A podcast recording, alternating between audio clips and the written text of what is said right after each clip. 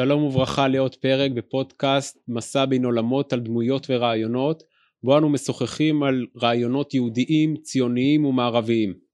בשיחות אלה אנו משוחחים עם האדם שאיתנו, מה מניע אותו ומה הופך אותו להיות מי שהוא כיום. היום אשוחח על המתח בישראל בין מדינה יהודית לדמוקרטית, כיצד ניתן לפתור את זה, ומה ייעודו של העם היהודי בהיסטוריה האנושית.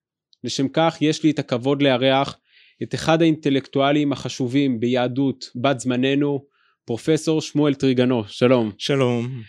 ונוסף לזה שאתה אה, אינטלקטואל, אתה אה, גם אה, פרופסור לסוציולוגיה של הדת מאוניברסיטת אה, סורבון שבפריז, mm. מחברם של 27 ספרים, אה, ואתה חוקר את היהדות בתוך המרחב של המודרנה וביחס הפול... במימד הפוליטי אה, שלה בעולם. וגם המטאפיזי. וגם המטאפיזי. אז אה, לכבוד רב שבאת. תודה רבה. ואני רוצה להתחיל דווקא לפני שאנחנו ככה צוללים לתוך הרעיונות היהודיים והמערבים, להתחיל מההתחלה מה אה, גרם לך בגיל 14 להגר מאלג'יריה שבו נולדת לפריז. זה החוויה הקשה ביותר בחיי. הצטרכנו לברוח מאלג'יריה ערב העצמאות אה, של אלג'יריה וברגע שהשלטון הצרפתי של דה גול עזב מיליון צרפתים, מיליון אזרחים צרפתים בצרפת. וכולם פחדו מהרגע הזה שיהרגו אותם אה, וכל מה שאתה יכול לדמיין בצורה הזאת וניסו מיליון אנשים נבר... אה, ברחו ניסו בכל מיני מקומות אה, מטוס אוניה לברוח מצרפת לפני היום הגורלי הזה שבאמת אה, היו, היה טבח באורן בכמה ערים אה, באלג'ריה ותתאר לעצמך מה יכול להרגיש אה, צעיר בן 14 שעוזב בבהלה את הבית שלו, סוגרים את הדלת ובורחים עם שתי מזוודות ומחכים במשך יומיים בשדה תעופה צבאי איך לברוח מפה שיהיה מקום באיזה, באיזה מטוס לברוח uh, מאלג'יריה. ולהגיע בצרפ, לצרפת בארץ שלא הייתה כל כך נודעת אף על פי שהכרתי אותה לפני כן בחורף הנורא הפריזאי, בקבלת פנים לא יפה על ידי הצרפתים המקומיים כלפי הצרפתים האלו, ובמבוכה. למה בעצם? למה הצרפתים המקומיים לא קיבלו בעין יפה את הצרפתים שבאו מאלג'יריה? קודם כל היה בצרפת משבר אה, לאומי במשך כמה שנים מסביב גורל אלג'ריה כך שהטון אה, היה הטון של השמאל ביקורת על הקולוניאליזם וזלזול בכאילו כל הצרפתים באלג'ריה היו כקולוניאליזם וזה לא נכון, זה, זאת הייתה, זה, זאת הייתה אה, חברה מסובכת אה, שאם לא הכירו אותה לא, לא מבינים, לא מבינים אה, בכלל. אבל uh, המבוכה הזאת uh, עברנו מעיר לעיר uh, במשך שנתיים לפני שמצאנו מקום להשתקע. בוודאי להורים שלי, לדור ההורים זה היה סוף החיים שלהם, כל מה שהם בנו התמוטט לגמרי, הכל נאבד. ואנחנו נשארנו ככה בעולם של no man's land, של מבחינת הזהות, מבחינת ההרגשה וכולי. והניסיון הזה של העקירה, שהוא היה בשבילי ממש אה, הבסיס, המסגרת של כל מה שעשיתי. אני אסביר איך, אני חיפשתי, אני כותב מאז גיל 15. אני עברתי מהגירה, להגיר, מההגירה לכתיבה בעצם, כאילו זה באותו, אות, אותה תנועה בעצם. וחיפשתי, חיפשתי את סוד הקיום, את האמת, והתחלתי להסתכל ב... בכמה ספרים יהודיים ונפלתי על מאמר ש... שמדבר על המהר"ל מפראג, קטע מתוך התורה שלו ואני באמת זה היה משהו שפתח לי אופק. אתה זוכר איזה מאמר? אני חושב שמאמר על המאבק יעקב עם המלאך. Mm-hmm. אז זה מעבר ש... זה מאמר שנכתב על ידי אישים, אנרי אטלן למשל, שהשתתפו באסכולה המחשבתית הצרפתית שלאחר מלחמת העולם השנייה. זה דבר שלא כל כך מוכר אף על פי שמתחילים להכיר את הסופרים שכתבו ברוח הזאת אבל האסכולה האינטלקטואלית הזאת הייתה ממש נקודת מפנה בהיסטוריה של יהודי צרפת ואני חושב במחשבה היהודית כי היא רצתה uh, לעמוד מול האתגר של השואה אחרי השואה ובניית מדינת ישראל. ומה האקטואליות של היהדות אחרי, בנוף כזה ואז שני מהאנשים המשתתפים בתמונה הזאת כתבו את המאמר הזה, מצאתי את זה במקרה, כי אני חיפשתי, חיפשתי, והיה לנו גם כן קרובים בקיבוץ, שיצאו מאלג'ריה ישר לקיבוץ. ו... בישראל. בישראל, כן. קיבוץ גבים על יד שדרות. אז, אז אם כן היה לנו קשר חי עם, עם ישראל דרך הקרובים האלו ואני באתי כ, לארץ כתייר ב-66 לפני 67 ואני ממש הופתעתי על ידי עולם הקיבוץ וכל ה... אני הכרתי את, ה, את הארץ החלוצית שהייתה אז עדיין ארץ חלוצית אז התחיל uh, ממש uh, אני, אפשר להגיד uh, התפתחות פנימית רוחנית שהכל התפתח ובוודאי שהאופק היה לעלות לארץ. אני רוצה שנייה אחת להתעכב להבין את ההקשר ההורים שלך גם היו דתיים? לא. זאת אומרת, אתה נולדת למציאות לא דתית, ובעקבות העקירה, אתה התחלת להתעניין נכון, בפילוסופיה יהודית. והכרחתי אותם לאכול כשר כל הזמן, כי היינו באלג'ריה, היינו אוכלים כשר רק לחגים. Hmm. כי זה באמת, זה היה אותו אטליז שמכר את שני הדברים. ואבא שלי היה אה, אה, בונים, בונים חופשים אומרים? כן. כן?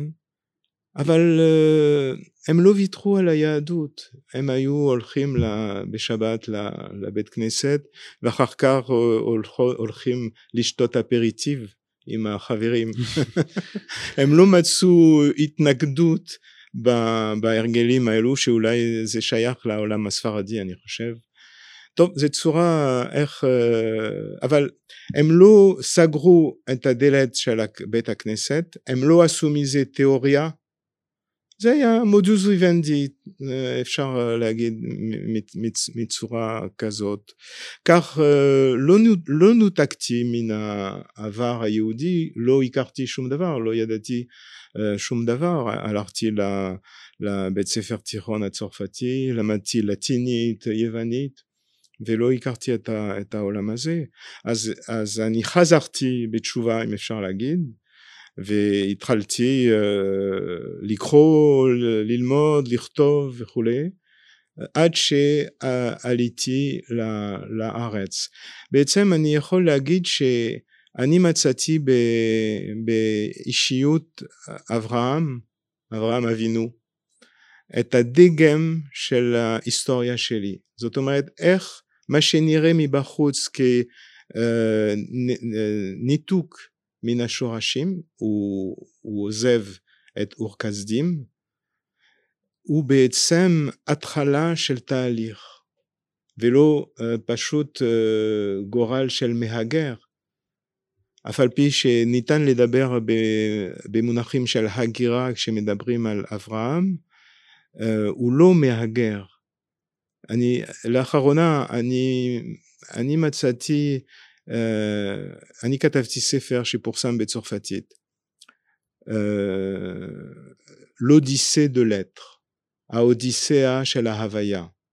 מדובר גם בבריאה, גם בישראל, באברהם, באנושות וכולי וכולי, ומצאתי לנכון לתרגם אודיסאה כהגירה. ההגירה. ויש לשים לב גם כן, אצל, אצל המוסלמים מדובר בהיג'רה. שזה ש... גם הגירה. נכון, זה אותו הדבר. אז אם כן אה, אולי זה, זה, זה טיפוס ששייך למונותאיזם אם אפשר להגיד באופן כללי זאת אומרת שיש הליכה הגירה בהתחלה ולא ולא הישארות באותו אה, מקום. אז אם כן מצאתי באברהם שבשבילי הייתה דמות מאוד מאוד חשובה, עשיתי יותר מאוחר עשיתי סמינר של ארבע שנים על אברהם. לא פרסמתי את זה, זה מוקלט, אבל לא, לא פרסמתי את זה. זאת, אומרת, אני מצאתי את המפתח של הגורל המר שלי, שאחרי העקירה וההגירה, אם אפשר להגיד, לצרפת.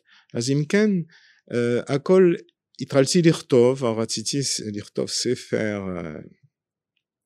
טרקטטוס כמו ספינוזה של כל היהדות וטוב.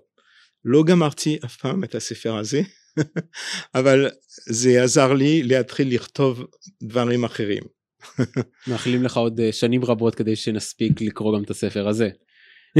תודה רבה, אולי זה ספר שלא ניתן לגמור אותו כדי שאחרים יוכלו להיעשות.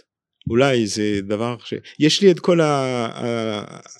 החתיכות נייר עם כל הרשימות וכל העניינים האלו ועליתי, עשיתי, עברתי את מרד סטודנטים, לא הרגשתי שזה קשור אליי, אני ראיתי במרד הזה בעצם מרד הסטודנטים בצרפת בצרפת ב-68 אני ראיתי במרד הזה אה, אות להתמוטטות התרבות האירופאית. Hmm. אה, כי באמת, ואני חושב שאף על פי שהיה במרד הזה טון של שחרור של הסובייקט, של, ה, של החיים הקולקטיביים, אולי יותר מדי מוגזם, זה הביא להגזמות נוראות, אבל uh, היום אני רואה תוצאותיו בתרבות ווק בכל מה שקורה בארצות הברית, ברחובות, ב-BLS and so on. למה אתה, אני רוצה שנייה להתעכב על ההבחנה הזאת שאתה אומר שבמרד הסטודנטים אתה מבין שזה היה סוף של התרבות האירופית. כן, אני פיתחתי את זה יותר מאוחר, לפני כמה שנים פרסמתי ספר שתורגם לעברית, האידיאולוגיה השלטת החדשה. בעצם האידיאולוגיה הזאת נובעת מן הרוח של 68, מכל הפילוסופים האלו, פוקו, דלז, גואטרי וכולי. בעצם המילה החשובה ביותר היא הדקונסטרוקציה, פירוש הדבר התפרקות.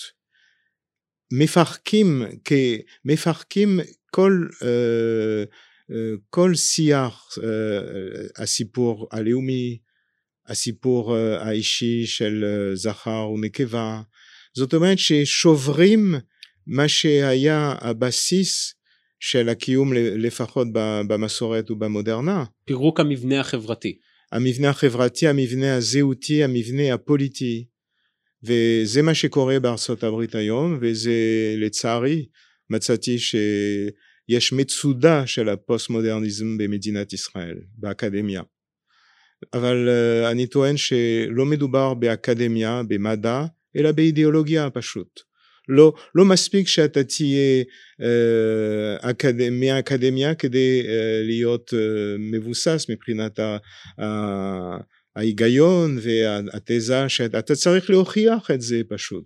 שנייה, מה שאתה בעצם טוען זה שהפוסט מודרנה היא גם אידיאולוגיה. זה ברור. זה לא כזה ברור בגלל שהפוסט מודרנה טוענת שאין דבר כזה אידיאולוגיה כי כל אידיאולוגיה היא תלוית מרחב זמן ומקום. זאת אומרת אה, הפוסט מודרנה שואפת לומר שאין דבר כזה אמת מוחלטת אם אני מבין נכון. המודרנה חושבת שיש אמת שניתן לבחון אותה דרך הסטטיסטיקה ודרך הניסיון. הפוסט מודרנה חושבת שאין אמת, יש נרטיבים, יש סיפורים. זה, זאת שטות, אנחנו יודעים בסוציולוגיה מאז ומתמיד מדורקהיים וייבר וכולי שהשיח הוא, הוא בנוי, הוא, יצ, הוא יצירה אנושית אבל זה המציאות. לא, לא מסיקים מזה המסקנה שאם הוא סיפור שהומצא אז זה לא מציאות, אין מציאות, אין אמת. וזה הורס האוניברסיטה כי האוניברסיטה המודרנית מבוססת על הצורך ב... אה, אה, להראות דרך הסטטיסטיקה, דרך הניסיון, מה שאומרים. דרך האמפירי. דרך אמפירית, זה נכון, יש אמת אובייקטיבית מבחוץ, אף על פי שאנחנו יודעים היטב שהפרספקטיבה שלנו היא, היא אידיאולוגית, זאת אומרת למה היא אידיאולוגית? כל אחד מאיתנו יושב באיזה מקום חברתי, באיזה מקצוע, באיזה, הוא נולד באיזה סוג של הורים וזה נותן לו פרספקטיבה שהוא לא בחר בה, אולי הרבה יותר לאחר מכן הוא יכול לחזור עליה אבל הוא לא בחר בה. אז אם כן יש באופן עקרוני אה, אי התאמה בין הפרספקטיבה האנושית לבין האובייקטיביות. והסוציולוגיה טוענת שאפשר לבחון את זה באופן סטטיסטי, באופן כמותי, ולא רק באופן פילוסופי. בעצם הפוסט מודרניות משתמשת במונחים סוציולוגיים שהיא מפרשת דרך הספרות. זה, זה, לא, זה לא עומד על כלום מבחינה זאת, מבחינה אקדמית אני טוען, אם כן. אז אולי אני אעשה הבחנה בין פוסט מודרנה ופוסט מודרניות. פוסט מודרניות זה הפן האידיאולוגי שיכול אה, להתגשם בפוסט מודרנה. יכול להיות שאנחנו בפוסט מודרנה, אני עדיין אה, לא בטוח, אני צריך, צריכים לחכות. מה, מה הסימן של פוסט מודרנה? שפל מדינת הלאום. למה? בגלל הגלובליזציה. בגלובליזציה הגבולות uh, מטושטשות בעצם. אז אם כן זה אה, צורה אחרת להתארגנות חברתית פוליטית קולקטיבית. וזה כבר זיהית במרד הסטודנטים ב-68? תראה, קודם כל אנחנו חווים את הדברים, אחר כך אנחנו מבינים כן. אותם עם הרבה הרבה זמן uh, לאחר מכן, אבל הרגשתי, אני זוכר שהייתי נודד ברחובות פריס עם מהומות, עם uh, המון אנשים שצעדו וכולי והרגשתי שהייתי על סף החזרה לארץ. הרגשתי שזה לא הסיפור שלי זה, זה סוף uh, זה, אני, אני, אני נוכח לדעת להתמוטטות של ציוויליזציה שלמה. וזהו ועליתי לארץ. עליתי לארץ ושם הדברים מתחילים הייתי, עלה, על, עליתי לארץ אה, בתקווה משיחית, ילדותית אולי, אבל הייתי בן עשרים ואני הייתי באמונה שלמה. נרשמתי, ב... רציתי לדעת מה זה מדינה יהודית כבר. ונרשמתי באוניברסיטה העברית, חשבתי שזאת האוניברסיטה של העם היהודי. לצערי זה לא תמיד קורה. אבל אה, נרשמתי בפילוסופיה עברית וקבלה, זה היה השם של מחשבת ישראל, ומדעי המדינה. ובשום מקום לא שמעתי מילה, מושג, לא על היהדות, לא על היהדות במדעי המדינה בוודאי, חוץ מפרק של הרמב"ם, זה הכל, ובפילוסופיה עברית וקבלה. לא, לא שמעתי מחשבה, לא הייתה מחשבה, אלא אנציקלופדיה. אמנם זה, זה, זה עוזר לי, זה נתן לי איך לגשת לעולם הטקסטים הזה, אבל היה חסר מחשבה, מחשבה יהודית, אקטואלית, שיש לה להגיד משהו. אז... אתה מתכוון שלא מצאו, לא היו לימודים לפילוסופיה פוליטית מתוך היהדות? לא, זה עדיין לא. אז מה אתה מתכוון שלא מצאת? בפילוסופיה יהודית קבלה לא שמעתי שום דבר על הקריה היהודית, על, ה, על המחשבה הפוליטית, לא, לא היה שום דבר, אלא על התארים של הרמב"ם והספר הזוהר, וטוב, זה היה גם כן חשוב, אבל הייתי, התאכזבתי, וכשהתחלתי לראות יותר רחב בקמפוס, אני נוכחתי לדעת שיש חלוקה בין הכותב היהודי והכותב הכללי.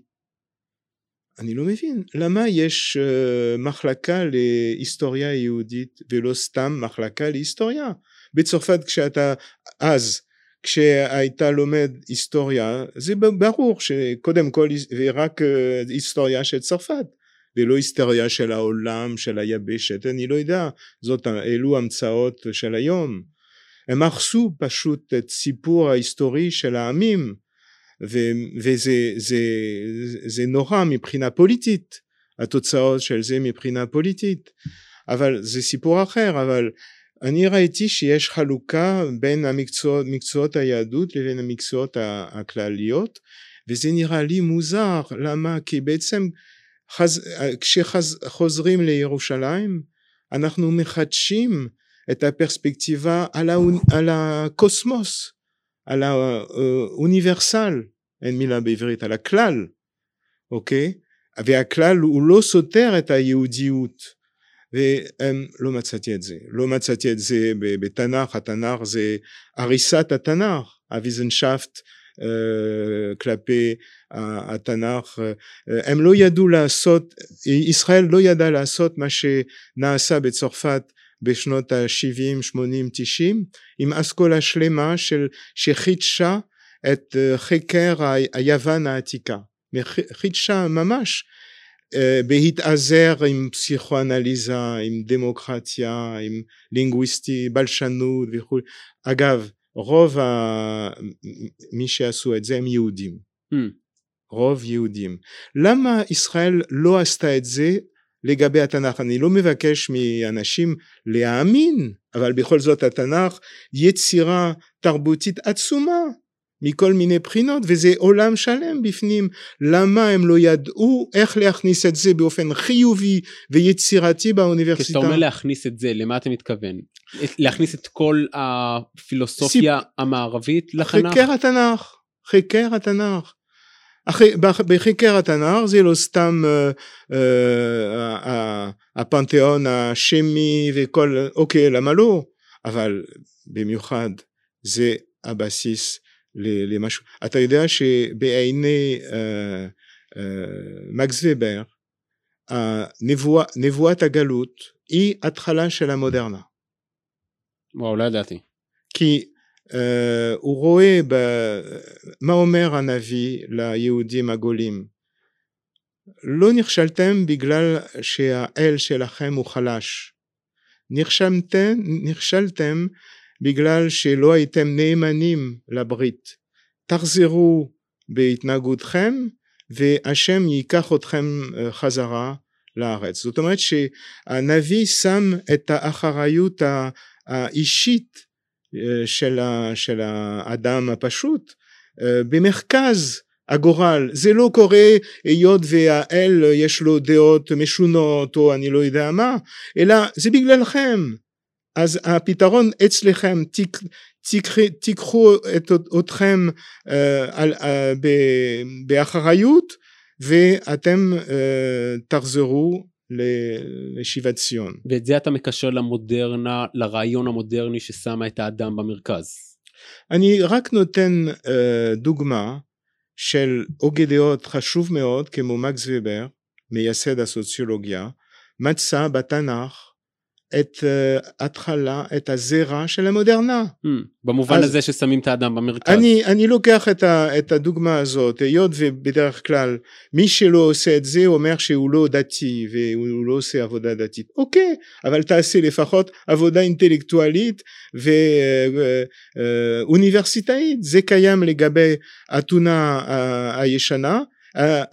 היהודים שחקרו את אתונה הישנה בעצם אה, הם לא נהפכו למאמיני אלילים אה, אה, אבל הם מצאו בפנתיאון היגיון פנימי רציונלי של חלוקת התארים, הערכים וכולי. אוקיי, אבל אני לוקח את הדוגמה הזאת כדי להגיד מה שאני אומר לך לחילונים, אבל אולי גם לדתיים, כי הם לא יהיו מוכנים שעבודה כזאת אה, תיעשה בעניין, ה, בעניין התנ"ך. זאת אומרת, אבל זו בעיה אחרת. רק לשקף את מה שאתה אומר בחצי שעה האחרונה, וזה שהמטרה היא לקחת את התנ"ך ולהוציא מתוכו אה, פילוסופיה פוליטית להתנהגות כן. שלנו כאן במדינת ישראל. אולי להתנהגות שלנו, אבל בכל זאת משהו שמשמעותי לתקופה שלנו. יש, יש ביטוי בצרפתית אה, שאומר שמישהו לא עומד בנעל, בנעליים שלו, אוקיי? אני אתרגם את זה בצורה אחרת. העם היהודי במדינת ישראל לא עומד במקום שלו, במקום הנצחי שלו, הוא במקום אחר, אף על פי שיש נס שראינו את, ה, את החיים, איך החיים התחדשו, את הטבע התחדש וכולי, ואיך העם היהודי התקבץ מכל פינות העולם במדינת ישראל, אבל אנחנו עדיין לא uh, נוכחים במקום שהיינו צריכים לעמוד בו. וזאת הייתה ההרגשה שלי, הרגשה פראית קודם כל שלא הבנתי אני חזרתי לצרפת אחרי ארבע שנים באוניברסיטה העברית והתחלתי לכתוב מיד. כאילו מה, מה קורה, מה קרה, איך לצאת מזה? ופה זה נקודת המפנה החשובה ביותר אה, בשבילי כי uh, היא פותחת אותי את עצמי לכיוונים אחרים. יש קודם כל לחקור את המודרנה לחקור את ההיסטוריה היהודית, לחקור את הפילוסופיה וכולי וכולי, וכדי להבין, להבין מה קורה. אה, בוודאי היה, הייתי יכול להסתפק ולומר לעצמי אה, אני מאוכזב על ידי מדינת ישראל. אני לא, לא יכולתי לוותר אז אם כן בצרפת אני כולי הייתי כותב, אני כתבתי את הספר הראשון שלי בסמסטר בשישה חודשים מאז שחזרתי, בוודאי מאחורי 15 שנה של עבודה פנימית אבל כתבתי את הספר הזה וזאת הייתה ההתחלה. אבל בעצם אתה, אתה מבין את, ה, את הסיטואציה הזאת?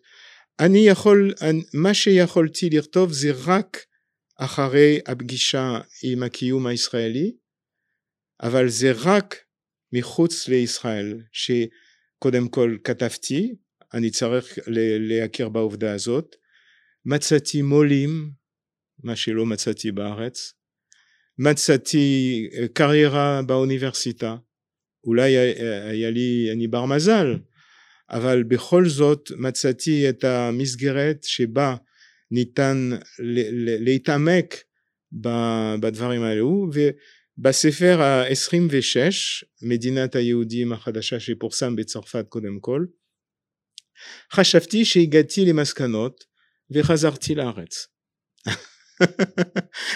כדי לבצע אותם אני מקווה אבל אני רואה את הקושי אבל כדי לפחות להשמיע את, ה, את הפרספקטיבה הזאת שהיא אחרת לגמרי מיהודית ודמוקרטית. אז, אז בוא נפתח את זה, מה הם באמת המסקנות ואיך אתה רואה את המתח הזה בין מדינה יהודית לדמוקרטית? אז זה סיפור מסובך מאוד. אני בעצם מה, ש, מה שניתן להבין מהנוסח הזה יהודית ודמוקרטית זה שיש אה, ניגוד, יש סתירה בין יהודית ודמוקרטית. ושואלים, אה, אה, השאלה שנשאלת היא מה אה, אה, סתירה בעניין מה? מצד אחד היהדות האם היהדות היא סתם דת סדר מצוות וערכים וכולי, או הרבה יותר מזה. אז אני טוען שהיהדות נושאת בקריה, יש רעיון הקריה העברית בכל התנ"ך, אני כתבתי ספר שנקרא פילוסופיה של החוק, ראשיתה של הפוליטיקה בתורה, אוקיי? שאני מנסה להוכיח את זה, אה, וגם עשיתי עבודות אה, אחרות. זאת אומרת שיש כבר בעיה בתוך היהדות עצמה בין הפוליטי והלא פוליטי ויש גם כן אפשר להגיד במילה אה, מהירה בפרקי אבות יש תורה מאוד חשובה של שלושת הכתרים. יש אסכולה שלמה בארץ עם דניאל אלעזר המנוח פרופסור סטיוארט כהן שכתבו רבות על התורה של הסמכות ביהדות. אוקיי, אבל יש להבין שבמשך 25 שנה של גלות זה נעלם כי זה לא היה אקטואלי, לא הייתה אפשר, אפשר לחשוב על הקריה העברית רק כשיש מדינת ישראל. בעצם כי זה הבסיס החברתי הפוליטי כדי להבין את זה. קריה בעברית אתה מתכוון? סיטי. עירייה, אה, עיירה, עיר. לא, uh, אני מעדיף את המושג של קריה. אוקיי. Okay. Uh, uh, כמו אתונה היא קריה, mm. לסיטה אתניאן. אז uh, עיר זה איפה שגרים, איפה שיש תושבים. קריה זה קונספט, זה רעיון uh, מופשט uh, מאוד uh, רחב.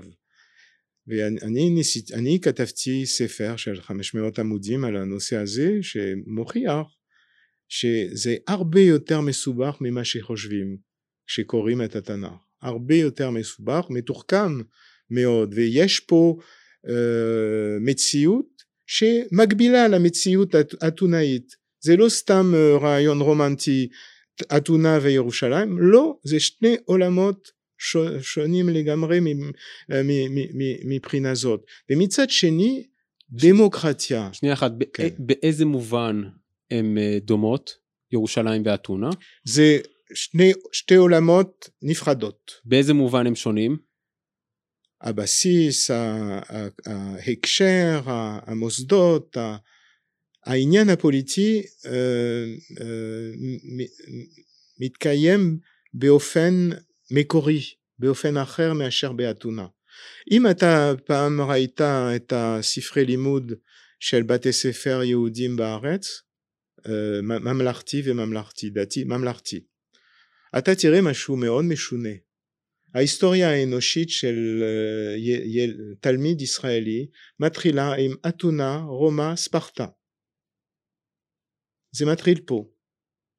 איפה היהדות, איפה היהודים, 70 עמודים יותר מאוחר מדברים על הסנהדרין, אבל באופן אה, לא מתאים במה מדובר. יש מסורת פוליטית עברית ויש לחדש אה, אותה ברגע שיש יש אה, עדיין, יש מדינת ישראל. ומצד שני עכשיו, כשמדובר בדמוקרטיה, במה מדובר? יש, כל, יש דמוקרטיות טוטליטריות גם כן. זה קיים. היום הפוסט מודרניסטים חושבים שהם דוגלים בדמוקרטיה, זה לא נכון, הם הורסים אותה. לפי הבסיסים הקבועים שלהם, התיאוריטיים שלהם. למילים יש משמעות, לא משמעות נודדת, אלא משמעות יסודית, אחר כך עושים דברים אה, לגביהם. אבל למשל, בדמוקרטיה יש בעיה שלא פתורה. בחוזה החברתי של ז'אן ז'אק רוסו הוא כותב שהוא מגיע למסקנה שזה לא ילך עם המחשבה שלו של ייסוד עצמי של הקריה. כי הוא אומר אם האנשים... מה זאת אומרת, שנייה אחת, מה זאת אומרת ייסוד עצמי של הקריה? כי מדובר במושג של אוטונומיה, שאתה נותן לעצמך את החוק שאתה מציית לו, אוקיי? אז uh, אצל ז'אן ז'אק רוסו הקריה היא אוטונומית, היא מבס... מייסדת את עצמה על ידי כל הפרטים שנאספים אז. ו... אבל הוא אומר שיש בעיה.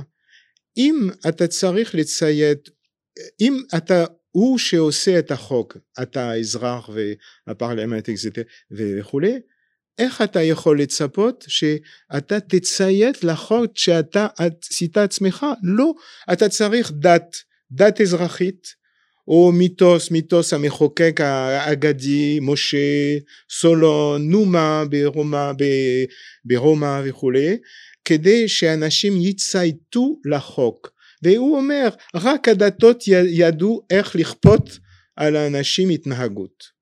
אז יש כבר בעיה ב, ב, ב, בדמוקרטיה ביחס במיוחד לדתיות כי אומרים שיש אה, הנגדה בין אה, אה, דמוקרטיה ויהדות אבל היא כבר קיימת בתוך הדמוקרטיה עצמה מבחינה זאת אז אם, אם כן רק לשקף את מה שאתה אומר הבעיה שקיימת בדמוקרטיה עצמה זה שהקיום הדמוקרטי בין האזרחים לשלטון לפי ז'אן ז'אק רוסו הוא רק על ידי הדת.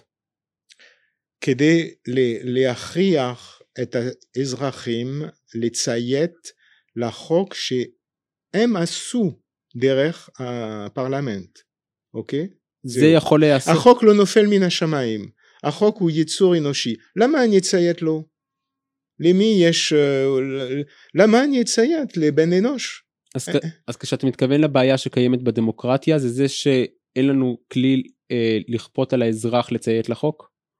קודם כל, ושנית, אה, אה, לא מספיק ייסוד עצמי מופשט. אתה צריך אמונה או אמונה בפטריוטיזם, הוא אומר אה, שזה פטריוטיזם, או אמונה באומה. אם אתה לא משתייך לאומה, למה אתה תגור בחברה שלא מוגדרת על ידי האומה הזאת? זה לא יכול להיות. אה, עולם של אה, אינדיבידואלים לא יכול להתקיים. והוא גומר בדברים נוראים, הוא תומך במודל הרומאי, בצנזורה, בטריבונה, בדיקטטורה כאשר המבוי, היו מבוי, היה מבוי סתום ברומא היו ממנים, מממנים דיקטטור.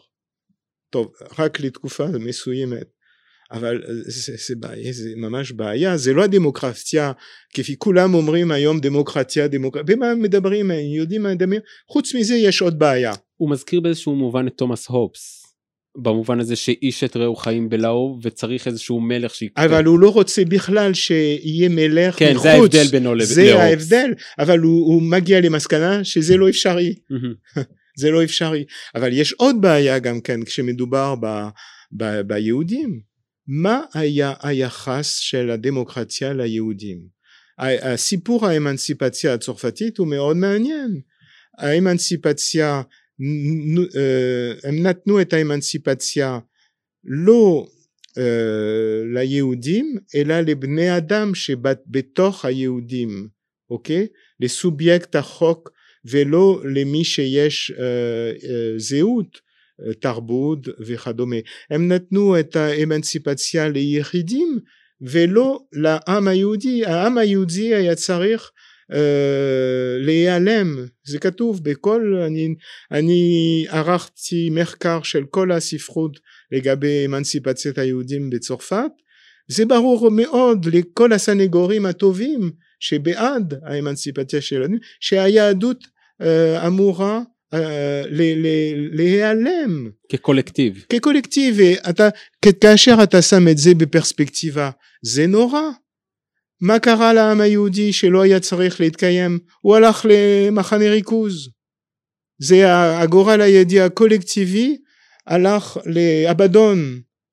ואני טוען שיש פה אה, בעיה מבנית במושג האזרחות אה, של הדמוקרטיה שלא אף אחד לא פנה אה, אל זה. היום אה, כל מה שקורה עם התנועת ווק בארצות הברית וגם באירופה ו- שמהי התנועה הזאת? כל האנשים שמורידים את הפסלים שרוצים לתקן את התרבות ו- וכדומה וכדומה. זאת תוצאה מוגזמת של המימד הזה של ה... כי האזרח נשאר אה, מופשט. אוקיי זה יכול להיות זה חשוב כי זה הסוב, סובייקט החוק. הוא לא מיוחס לאיש במיוחד אוקיי? זה מזכיר לי את הביקורת של הרב תרבותיות מול כור ההיתוך הבן גוריוני ב- ש- בהקשר הישראלי. זה הווק הווק הישראלי. Mm, זה נכון. אני מתחתי ביקורת על הכור ההיתוך, אבל זה לא למען הרב תרבותיות המופרזת. זה שיגעון, זה הריסה של החברה. כל השיטת המגזרים במדינת ישראל זה, זה קטסטרופה שלמה. זה לא, קודם כל זה לא קיבוץ גלויות בכלל, זה, זה אין לזה שום קשר עם המושג הנבואי של, של, של התנ"ך, ושנית מבחינה פוליטית זה הורס את, ה, את השלטון, זה הורס את המדינה. אז אתה אומר לפני שאנחנו דנים במתח בין ה... אה, הקולקטיב היהודי במדינת ישראל איך הוא אמור להיראות יש לנו כאן מתח אה, מבני בדמוקרטית נכון. איך, דמוקרט, איך דמוקרטיה אמורה להיראות במקומות שיש בהם אה, קבוצות עם מאפיינים שונים. נכון, אבל ה- האסכולה הקלאסית החליטה שיש תמיד רוב במשטר דמוקרטי. הוא נותן את הטון, מדברים את השפה שלו, הוא אמור אה, אה, להיות אה, מוכן לקורבן למען האומה. אבל מה, שאני, מה שקורה בתקופה שלנו זה ההתמוטטות והתפרקות של הסדר הזה ואין סדר אחר. אין סדר אחר זה רק המלחמת אה, של כל מלחמה כל אחד נגד כל האחרים. זה מה שקורה בארצות הברית למשל בהמונים האלו שחורים ומיטו ו-BLM Black Lives Matter? כן ו- וכולי זה גם קורה בצרפת למשל זה הריסה, הריסת המדינה הריסת הרפובליקה. אה, כי יש בכל מקום במשטר היסודי יש רוב הרוב מחליט ויש מיעוטים והמיעוטים יש להם לא להתפתח בתחום הציבורי אלא בתחום הפרטי. אני יכול לתת את אה, דוגמת היהודים בתפוצות. בצרפת היהודים קיבלו את ז'אן דארק. זאת אומרת הם כי אני, אני גם כן בבית הספר הרפובליקני למדתי את ההיסטוריה של הסדר הישן ושל הסדר המהפכני. כאילו מדובר באותה היסטוריה. אבל זה מה שנשלל היום וזה מה שישראל לא ידעה לעשות. אוקיי? אין סיפור לאומי ב, ב, בכל בתי הספר הישראלים ומה שהיה נהרס על ידי ההיסטוריונים החדשים שהם מציגים את ישראל כמדינה נטולת הקשר היסטורי. בוודאי מדינת של כל אזרחיה זה מדינה ללא מבחינה מבחינה רשמית זה מדינה ללא זהות אלא מדינה של זהויות אוקיי אה, קודם כל זה בעיה כי אני לא יודע איך זה פועל. אנחנו לא אני רואים רואים היום שזה מאוד בעייתי. אה, יש אומרים שבצרפת אנחנו ערב אה, מלחמת אזרחים בגלל המוסלמים שלא רוצים להיכנס במסגרות של המדינה הרפובליקנים ושהם מאשימים את המדינה של היום להיות קולוניאליסטית כלפיהם. כל עוד שהמדינה הזאת עזבה את הקולוניה את הקולוניה והתרכזה במטרופול בצרפת עצמה. אז יש, יש אפילו uh, מפלגה מפלגה של uh, הילידים של הרפובליקה זה נקרא. בוא, uh, רוב רובה מוסלמית וגם שחורים שהם מוסלמים גם כן בצרפת. אז אם כן יש, יש בעיה שלא פותחה הסדר הקיים היום הוא סדר של משבר שיפנה אני לא יודע למה לאיזה נקודת מפנה אבל יהיה, תהיה הוא... התנגשות. אתה מדבר על ההתנגשות באירופה עם המיעוטים ואני דווקא חושב על ההקשר הישראלי שבו יש מפלגה ערבית שהיא מגדירה את עצמה כלא ציונית ומשתתפת בקואליציה אבל היא לא מוכנה לקבל את הנרטיב הלאומי של מדינה יהודית. וזאת הבעיה. היא לא הייתה צריכה לשבת בכנסת, אבל הבג"ץ הכיר אותה ונתן לה את הרשות. ופה הבג"ץ לא מבינים כלום מה זה מדינת לאום. הוא לא מבין כי הוא בעצם עומד כדי לחסל אותה מבחינה זאת. ואז אה, חוץ מזה יש בעיה נוראה אחרת שאני שמעתי אה, בנט להגיד שעבאס הוא איש הגון. הוא לא מכיר את, ה, את האחים המוסלמים. איך הם מחלקים את השיח שלהם שיח ללא מוסלמים ושיח פנימי למוסלמים הוא, הוא במקום שלו בשיח הכללי אבל uh, מה שהוא חושב באמת uh, זה לא זה לא מחשבות של איש הגון מבחינת המדינה הישראלית אוקיי? כי בעצם הוא לא מכיר גם כן בלגליות בלגיטימיות של, ה, של המדינה היהודית. ואני לא יודע איך אפשר להיות uh, שותף מבחינה פוליטית עם מפלגה שלא מכירה בלגיטימיות והלגליות גם כן היות והם מאשימים גם כן את האפרטהייד של המדינה שהיא מייצגת בעצם כי המפלגה הזאת בכנסת מייצגת את המדינה כמו כל המפלגות האלו. יש פה אני באמת אני לא יודע מה לחשוב כי האם זה שלב ראשון לליבניזציה עתידה לבוא של מדינת ישראל? השאלה נשאלת. אז רק כדי לסכם איך, אה, את מה שאתה אומר עד עכשיו, זה שהדרך בלפתור את המתח הזה בין יהודית לדמוקרטית, זה בהבנה שהמדינה הדמוקרטית צריכה אה, להיראות לפי הצביון של הלאום שלה. וזה המשמעות של מדינה דמוקרטית. בכל מדינה דמוקרטית יש רוב ויש מיעוטים, אוקיי? למיעוטים יש כל זכויות האזרח. למשל, ליהודי צרפת, הם צרפתים, הם מזרחים. אמנם היהודיות לא נלקחת בחשבון על ידי הכלל, אבל הם אה, מטפלים ביהודיות שלהם מכל מיני בחינות, בתחום הפרטי. אז אה, זאת, זאת, זה היה ההסדר. אין, אין הסדר אחר. אין הסדר אחר. אם למשל היום אני לא, אה, נניח שאני אה, אזר צרפתי ערבי אלג'ראי, אז אני, אני חושב שצרפת של היום היא עדיין קולוניאלית. יש לי זכות לחזור למדינה שלי. שהיא עכשיו עצמאית, אוקיי? אז אה, הדקולוניזציה גרמה לפירוד האוכלוסיות, אוקיי? ומה הם רוצים יותר? אה, הם... אז אם כן, יש פה, יש פה בעיה אה, שלא פותחה ושהיא בעיה מאוד אה, חמורה אה, מבחינה פוליטית. ואם כן, יהודית ודמוקרטית זה יש, זה הרבה יותר מסובך ממה שחושבים, הרבה יותר מסובך ממה שחושבים, כי גם ביהדות עצמה יש הבדל בין כתר, כתר תורה וכתר מלכות וכתר כהונה. ו, מה אתה מתכוון?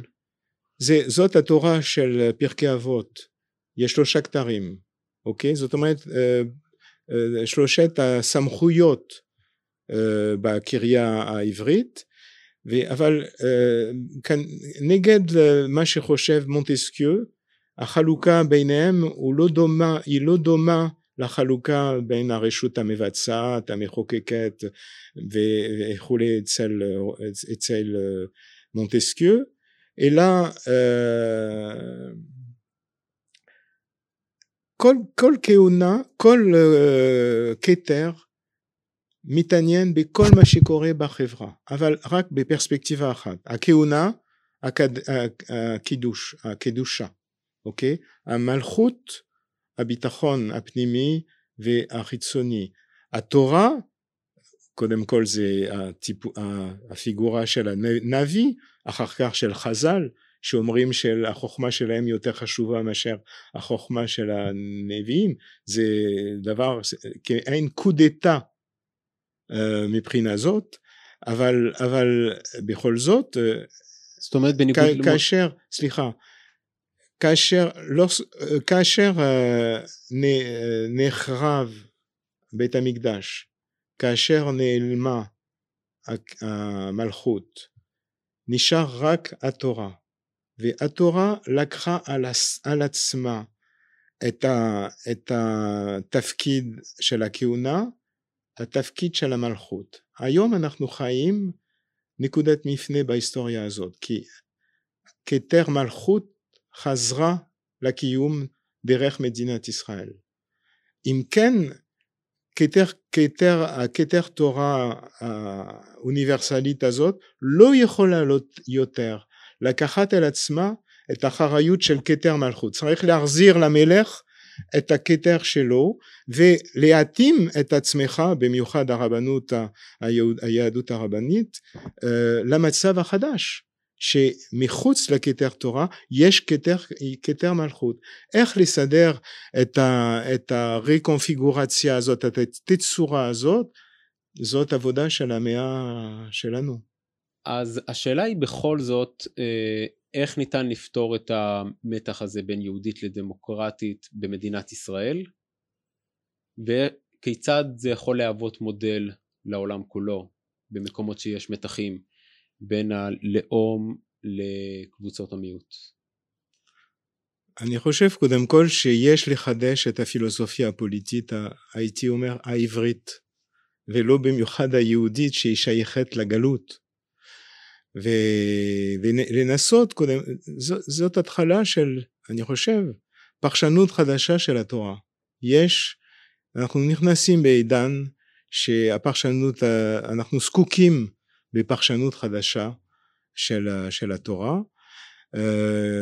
לראות מה אנחנו יכולים להוציא ממנה כדגם, כדוגמה, כהנחיות לקריה הישראלית.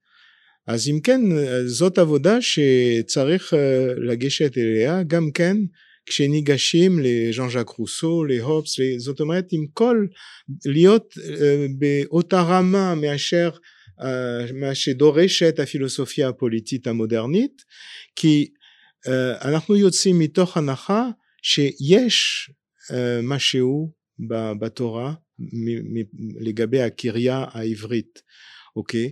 ואני אני, על, על פי הכוחות שיש לי ניסיתי, כתבתי פילוסופיה של החוק שמנסה באמת לשרטט את, ה, את, ה, את התצורה של הקריה העברית ואז יש לך אולי דוגמה אחת ספציפית? כמובן שלא נוכל להקיף את הכל. קודם כל משהו אנחנו מומחים לכך איך לש... לשכן את הטרנסנדנס בתוך הקריה. טרנסנדנס אתה מתכוון ל... טרנס... לצערי אין מילה עברית לטרנסנדנס ואימננס. טרנסנדנס זה רמה דרגה של החיים שאתה לא יכול ללכת יותר ממנה. חיים מופשטים. מופשט, אה, רחוק מכל תפיסה. זה בלתי, בלתי ניתנת לתפיסה. אימננס זה מה שנשאר בתוך עצמו, אוקיי? למשל אם אנחנו ניקח את האמיננט בהקשר הדתי הכוונה היא שהאל אנ- אנחנו יכולים להשיג את האל דרך העולם והקיום שבו אנחנו חיים. ושכנתי בתוך בני ישראל. מהמם. זאת הפורמולה. זה אמיננט. אבל זה מאוד מסובך. אל תחשוב שזה כל כך קל להבין את זה, איך, האינס... איך האינסופיות יכולה לשכון בתוך עם סופי אה, קטן, ועוד יותר אה, מאוד קטן, כמו העם, עם ישראל, אוקיי? ואיך פיתחו את, את זה? אני, אני טוען שבדמוקרטיה לא, אין, אין פתרון עדיין לאיך, אה, היום הרס, הם, הם הרסו את, ה, את האומה שהייתה כאילו יותר גבוהה מאשר ה, היחידים. הרסו את מבנה החברתי העל. נכון נכון. אה, סמכות אה, עליונה וכ- וכולי וכולי. מה שנקרא אולי אה, מטה פוליטית. כן. כולם אנשים מאוד קטנים מאוד בינונים כפי שהיה אומר ניטשה. הם אנשים בינוניים.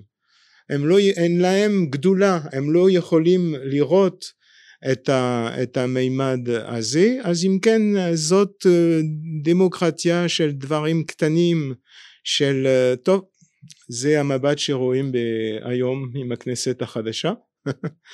אבל זה לא דמוקרטיה כפי שהיא חשבה שהיא עצמה.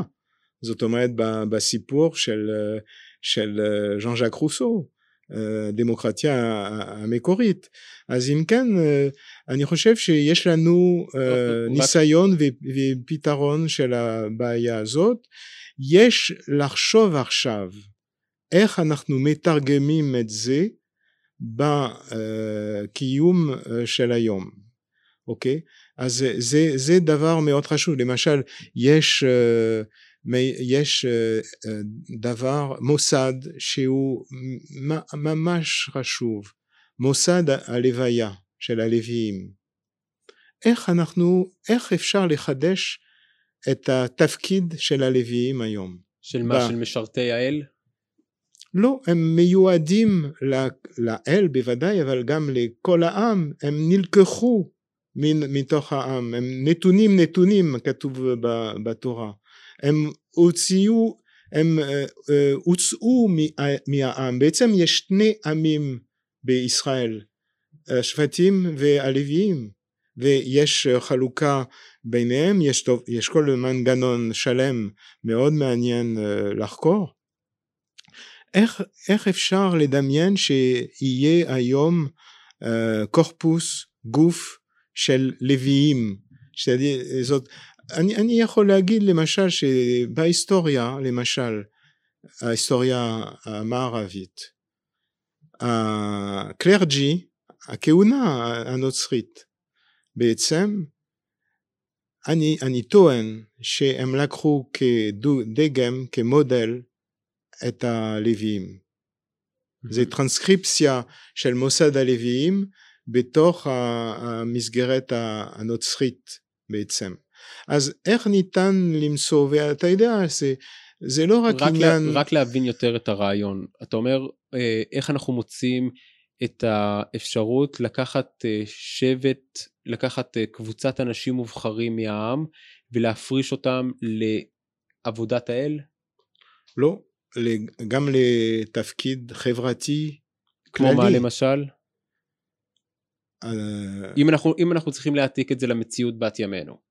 אוקיי, זה צריך לחשוב להתפתחות כזאת, אבל למש... אני יכול לתת דוגמה, אתה יודע שזה בעצם אה, קבוצה של אנשים נאמנים לטוב הכללי, שמתפקד למען כל העם. אתה יודע שזה באמת, זה מה, זה מה שהיה במשך הדורות, הבירוקרטיה, האדמיניסטרטורים, שהם אה, כאילו בצרפת למשל, המהפכה הצרפ... אחרי המהפכה הצרפתית וברפובליקה השלישית, אה, היה אה, גוף כזה של מורים ואומרים שאלו אני לא יודע איך לתרגם את זה בעברית, אלו חיילי הרפובליקה. הם מביאים את החינוך לכל העם וכולי וכולי. זאת אומרת, יש גם בצרפת בית ספר לאומי לאדמיניסטרציה. ניסו לעשות דבר כזה באוניברסיטה העברית לפני כמה שנים. זאת אומרת, לחנך גוף אנשים שנאמנים לכלל, לטוב הכללי. השאלה אם זה לא שאיפה יומרנית מדי. אם זה לא שאיפה שבו אנחנו נותנים יותר מדי אמונה באדם, שהוא באמת ידאג בסוף לטוב הכללי. יש, יש מי שצריך לטפל בטוב הכללי. זה, זאת, זה הרעיון, זה מה שכותב גם כן, uh, uh, שבעצם uh, כדי שהדמוקרטיה יפעל, תפעל, צריכים גוף כזה שחונך לתפקיד הזה ולא לחיפוש ההצלחה העצמית הפרטית שלו. טוקוויל. טוקוויל. טוקוויל, כתב את זה. אוקיי. אוקיי? אז למשל, כי זה, זה מעניין מאוד, כאשר עם ישראל מוצא את עצמו בתוך בית ישראל, mm-hmm.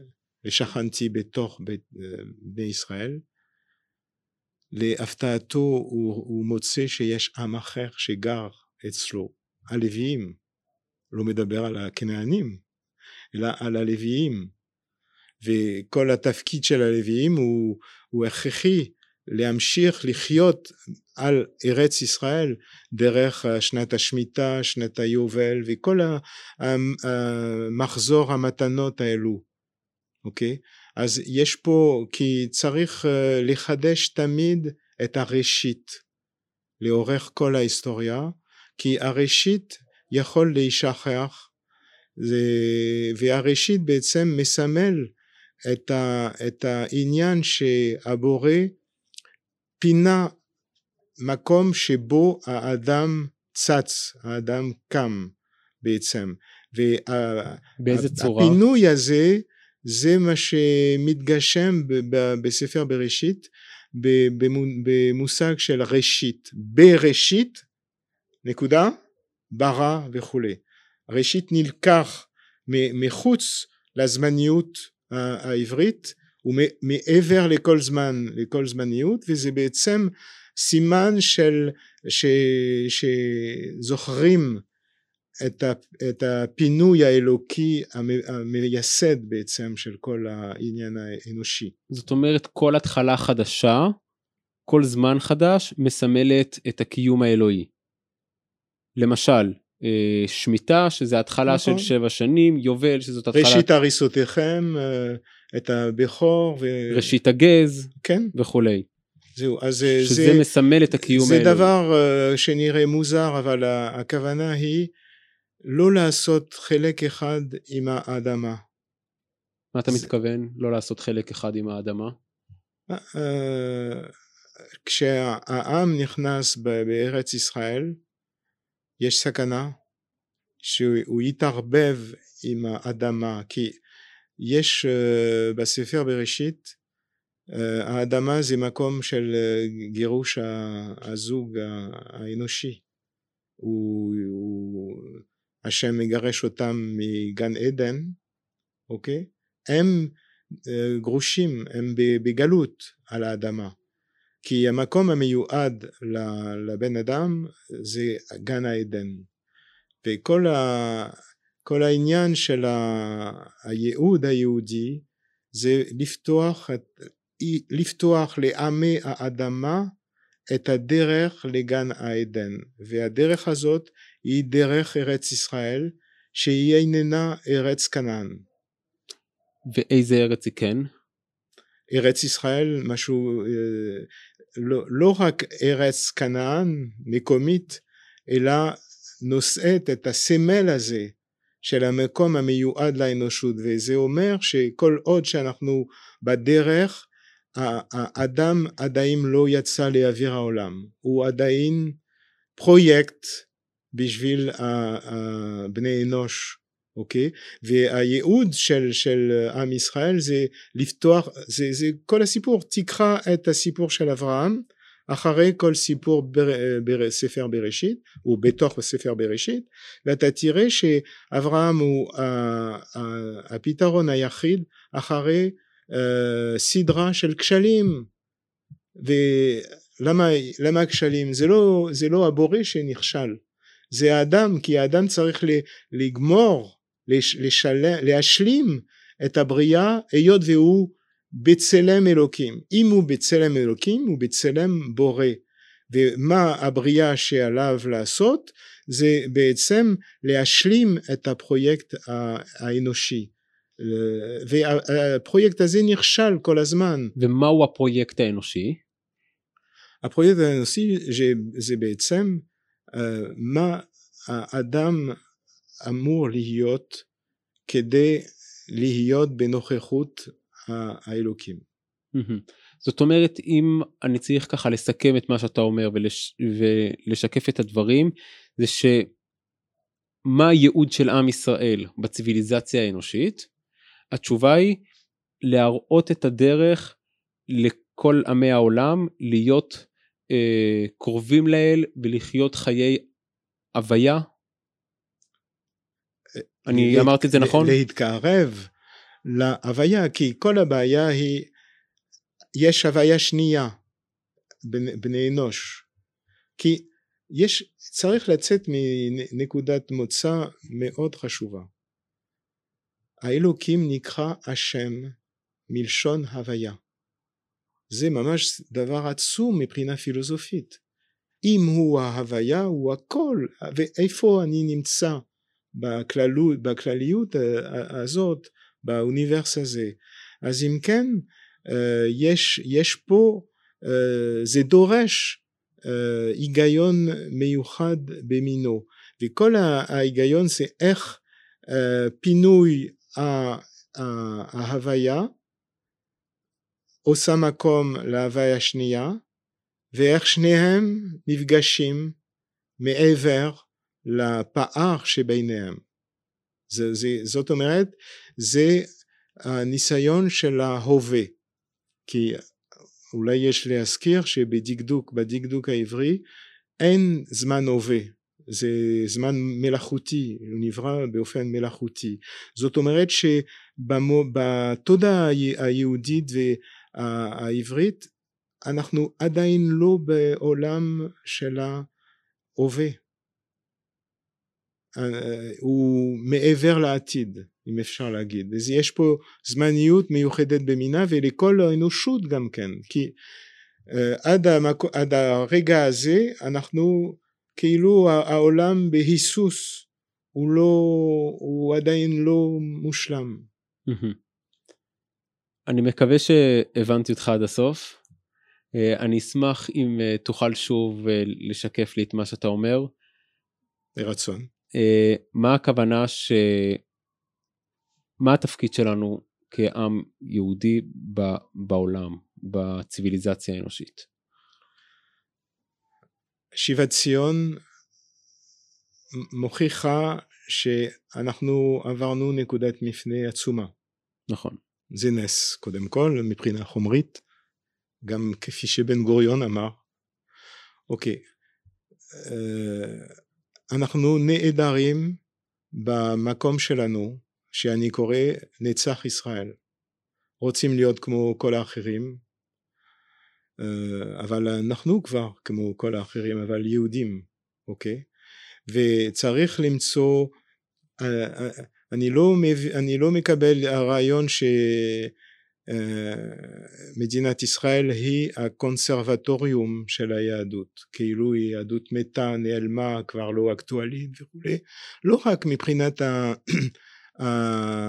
המצוות וכל המימד הזה שאני לא שולל אותו בכלל אלא כנושא פרספקטיבה רחבה מאוד עצומה אנחנו לא מתנהגים כאילו אנחנו יוצאי עם עתיק מאוד עם כל ההיסטוריה המפוארת אחור, אחורינו אז אה, זה יפה אה, אה, ישראל מדינת סטארט-אפ למה לא אבל איזה מסר מעצב מבחינה זאת אנחנו יכולים לעשות הרבה יותר. אז איזה מסר אתה רוצה להביא, אתה חושב ש... קודם כל אני, אני חושב שיש לנו עבודה אינטלקטואלית לעשות, עבודה גדולה. זאת אומרת, איך להביא לחידוש, לבמת המומנט, את כל, ה, את כל ההיסטוריה הזאת, איך לבנות את זה. לצערי, ישראל לא עשתה את זה. אה, היא עשתה המון דברים אבל היא לא עשתה את זה ויש זמן הייתי אומר לאיזה מין אה, מהפכה תרבותית מבחינה זאת אה, אנחנו בפרשת דרכים כמדינה וגם כמדינה יהודית. פה היום נקבע את העתיד לדור הבא לפחות. אז אם כן יש חשיבות מאוד גדולה למצוא קודם כל פתרון לשסע המבני אבל גם כן פתרון יצירתי לתרבות חדשה. ויש גם כן כשאתה אומר תרבות חדשה אתה מתכוון לתרבות שמחוברת לשורשים ולהיסטוריה של ארבעת אלפים שנה. זה אתה מתכוון ברור, למהפכה תרבותית ברור. אם הם מדברים אלינו שאנחנו גרים אנחנו חיים בתקופה הזאת מה נאמר? צריך להוכיח את זה, אתה מבין? זה... אתה מתכוון אם בעוד 200 שנה יסתכלו על התקופה שלנו עכשיו, מה הם יראו? אני מקווה שזה פתור אז, אבל uh, האם יהיה, יש סכנה? סכנת המשכיות? למה, למה, למה היית רוצה שיהודי התפוצות יעלו לארץ? אם זה כדי לחיות כמו שווייץ, צרפת וכולי, זה לא מביא כלום, זה יותר קל מחוץ לארץ מאשר במדינת ישראל. אבל אם אין, אם אין ייחודיות של הקיום היהודי באופן שלם, לא עם, עם יהודים שרוצים אה, להפסיק להיות יהודים כפי שרואים.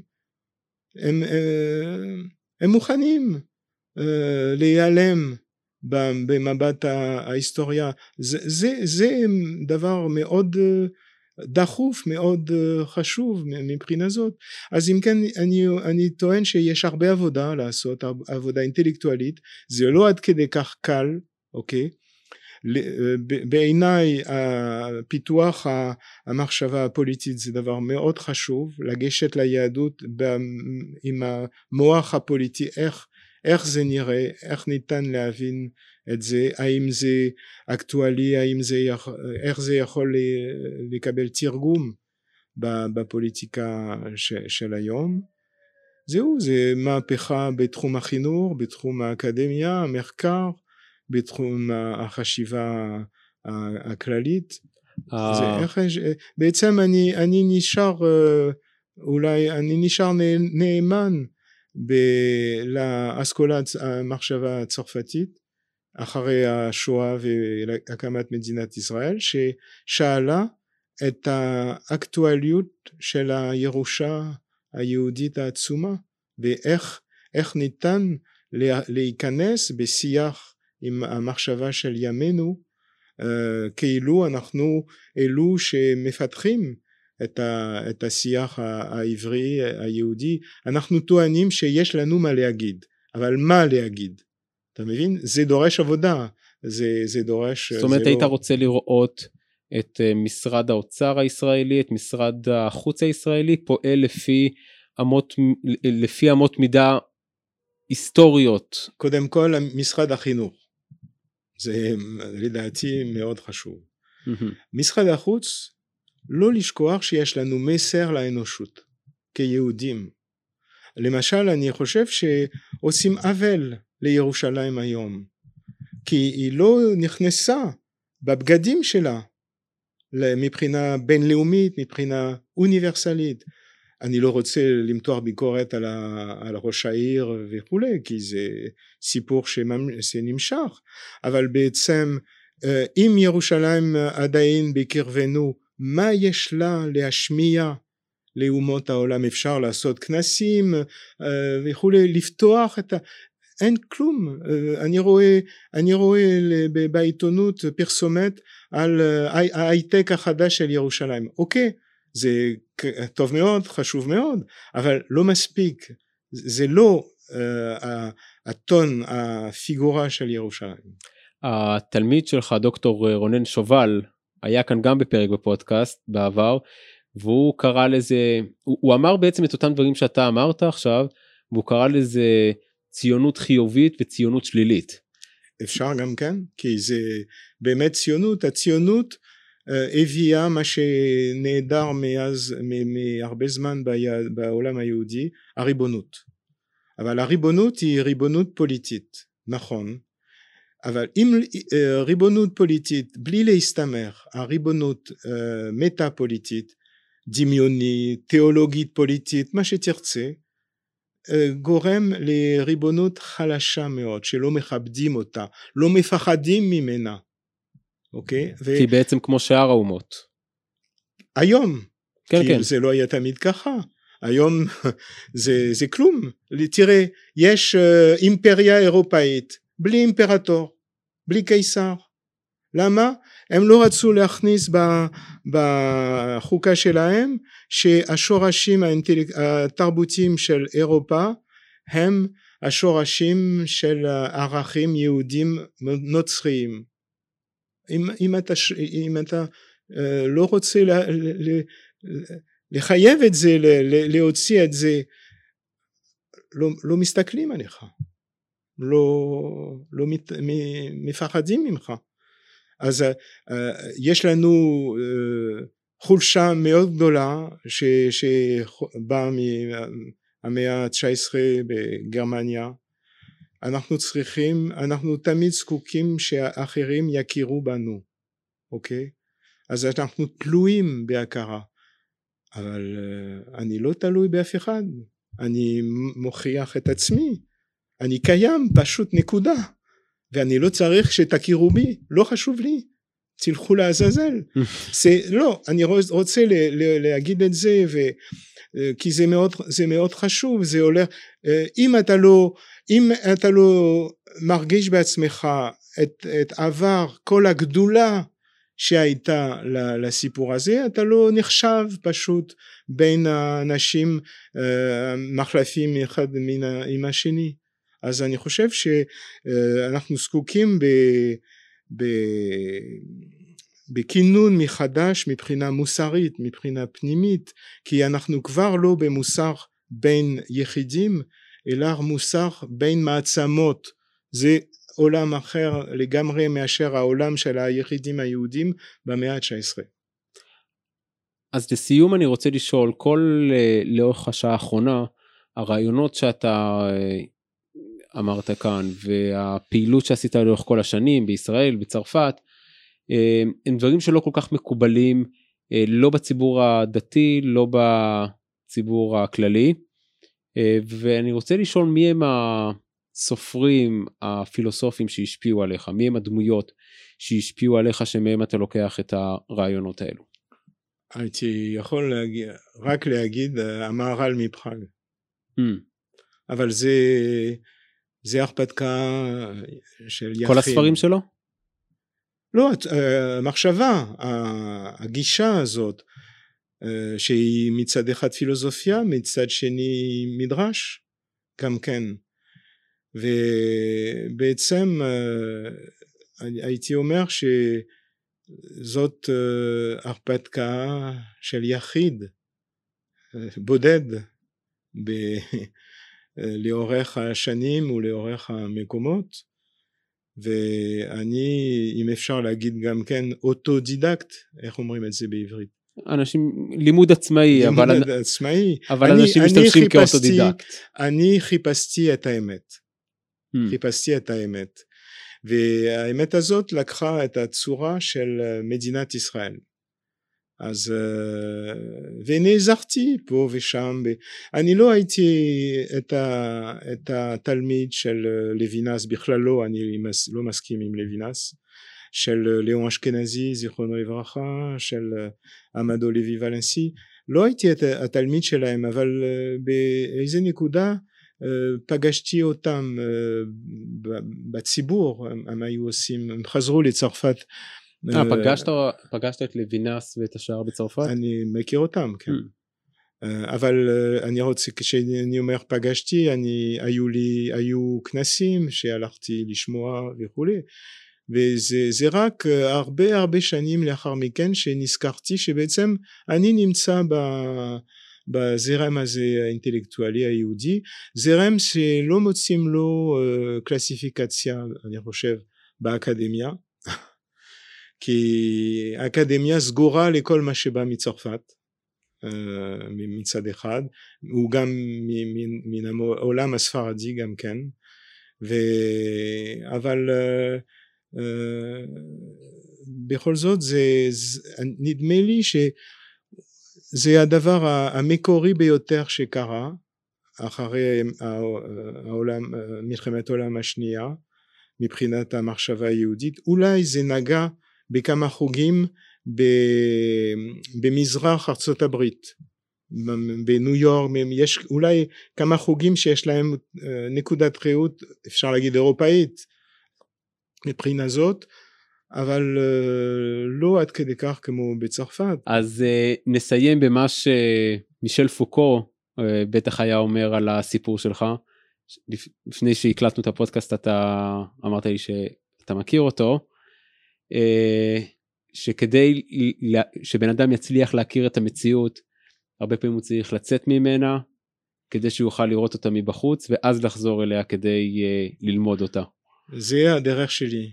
זה, אני חייב על הכל למדינת ישראל אבל לא יכולתי לעשות שום דבר במדינת ישראל. לא כתבתי את כל מה שכתבתי, לא פרסמתי כל מה שפרסמתי, לא יכולתי לעשות קריירה כמו שעשיתי.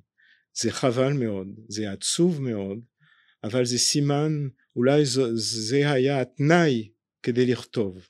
אני חושב שזה התנאי, ואני מודה לשם שנתן לי את הזכות הזאת, כי בעצם אני יכול להגיד שהיהדות קיימת, פגשתי אותה. Mm. פה במדינת ישראל את החיים היהודיים הפועמים. במתח הזה, כי uh, מה שנוכחתי לדעת שהגלות לא נגמרת במדינת ישראל. יש מימד וכי צריך לשמור על, על המתח הזה בין האינסופיות והסופיות בעצם. אז אנחנו מצפים כשאנחנו עולים לארץ שהמתח הזה ייפסק אבל לא, אני מגיע למסקנה שזה דבר מבני ב, ב, ב, בזהות היהודית הישראלית שמתאים למשל כל התפקיד של הלוויים מוכיח שאתה צריך לתת לתת לתת לתת כדי להמשיך להתקיים וכולי. זאת אומרת זה לא סוף הדרך. אז אם כן יש מימד של גלות שמתבטאת, הגלות הזאת מתבטאת אפילו סוציולוגית. יש ארציות מאוד חזקה בארץ ויש החרדים שמבטאים, יש מתח שעושה את שיווי משקל בין שני הדברים, אולי זאת קריקטורה היום, נוראה, אבל... אבל אולי ביחד זה יוצר איזשהו משהו שלם. אה, בעם. זה מה שאני אומר, אבל מבחינה מכנית. כן. כי אה, כל התקווה זה איך האומה הישראלית אה, תפגוש את העם היהודי. שני הדברים החשובים ביותר. פרופסור שמואל טריגנות, תודה רבה שבאת. ולכבוד רב הוא לי. תודה. תודה רבה. את הפרק הזה יחד עם שאר הפרקים תוכלו למצוא ביוטיוב לצפייה ובכל אפליקציות השמע להאזנה. תודה רבה לקרן תקווה ישראל שפודקאסט זה מופק בחסותה ותודה לאהרון זיידמן ויעקב טוויטור שמקדישים מזמנם היקר לעריכת הפרקים ותודה גדולה לכם המאזינים על כל הפידבקים שאתם שולחים. אם יש לכם הצעות לשיפור או רעיונות לאורחים מעניינים צרו קשר בכתובת המייל שמעון רפאלי 5 שטרודלג'ימל.קום בדף הפייסבוק והטוויטר של פודקאסט מסע בין עולמות על דמויות ורעיונות תוכלו גם להצטרף לערוץ הטלגרם כחברים בקבוצת הדיונים על הנאמר בפרקי הפודקאסט, שם גם תהיו הראשונים לקבל את הפרקים הערוכים. אתם מוזמנים לעשות מנוי לערוץ ולשתף עוד אנשים. נשמח אם תדרגו אותנו ותיתנו חמישה כוכבים, כך נוכל להגדיל את קהילת המאזינים.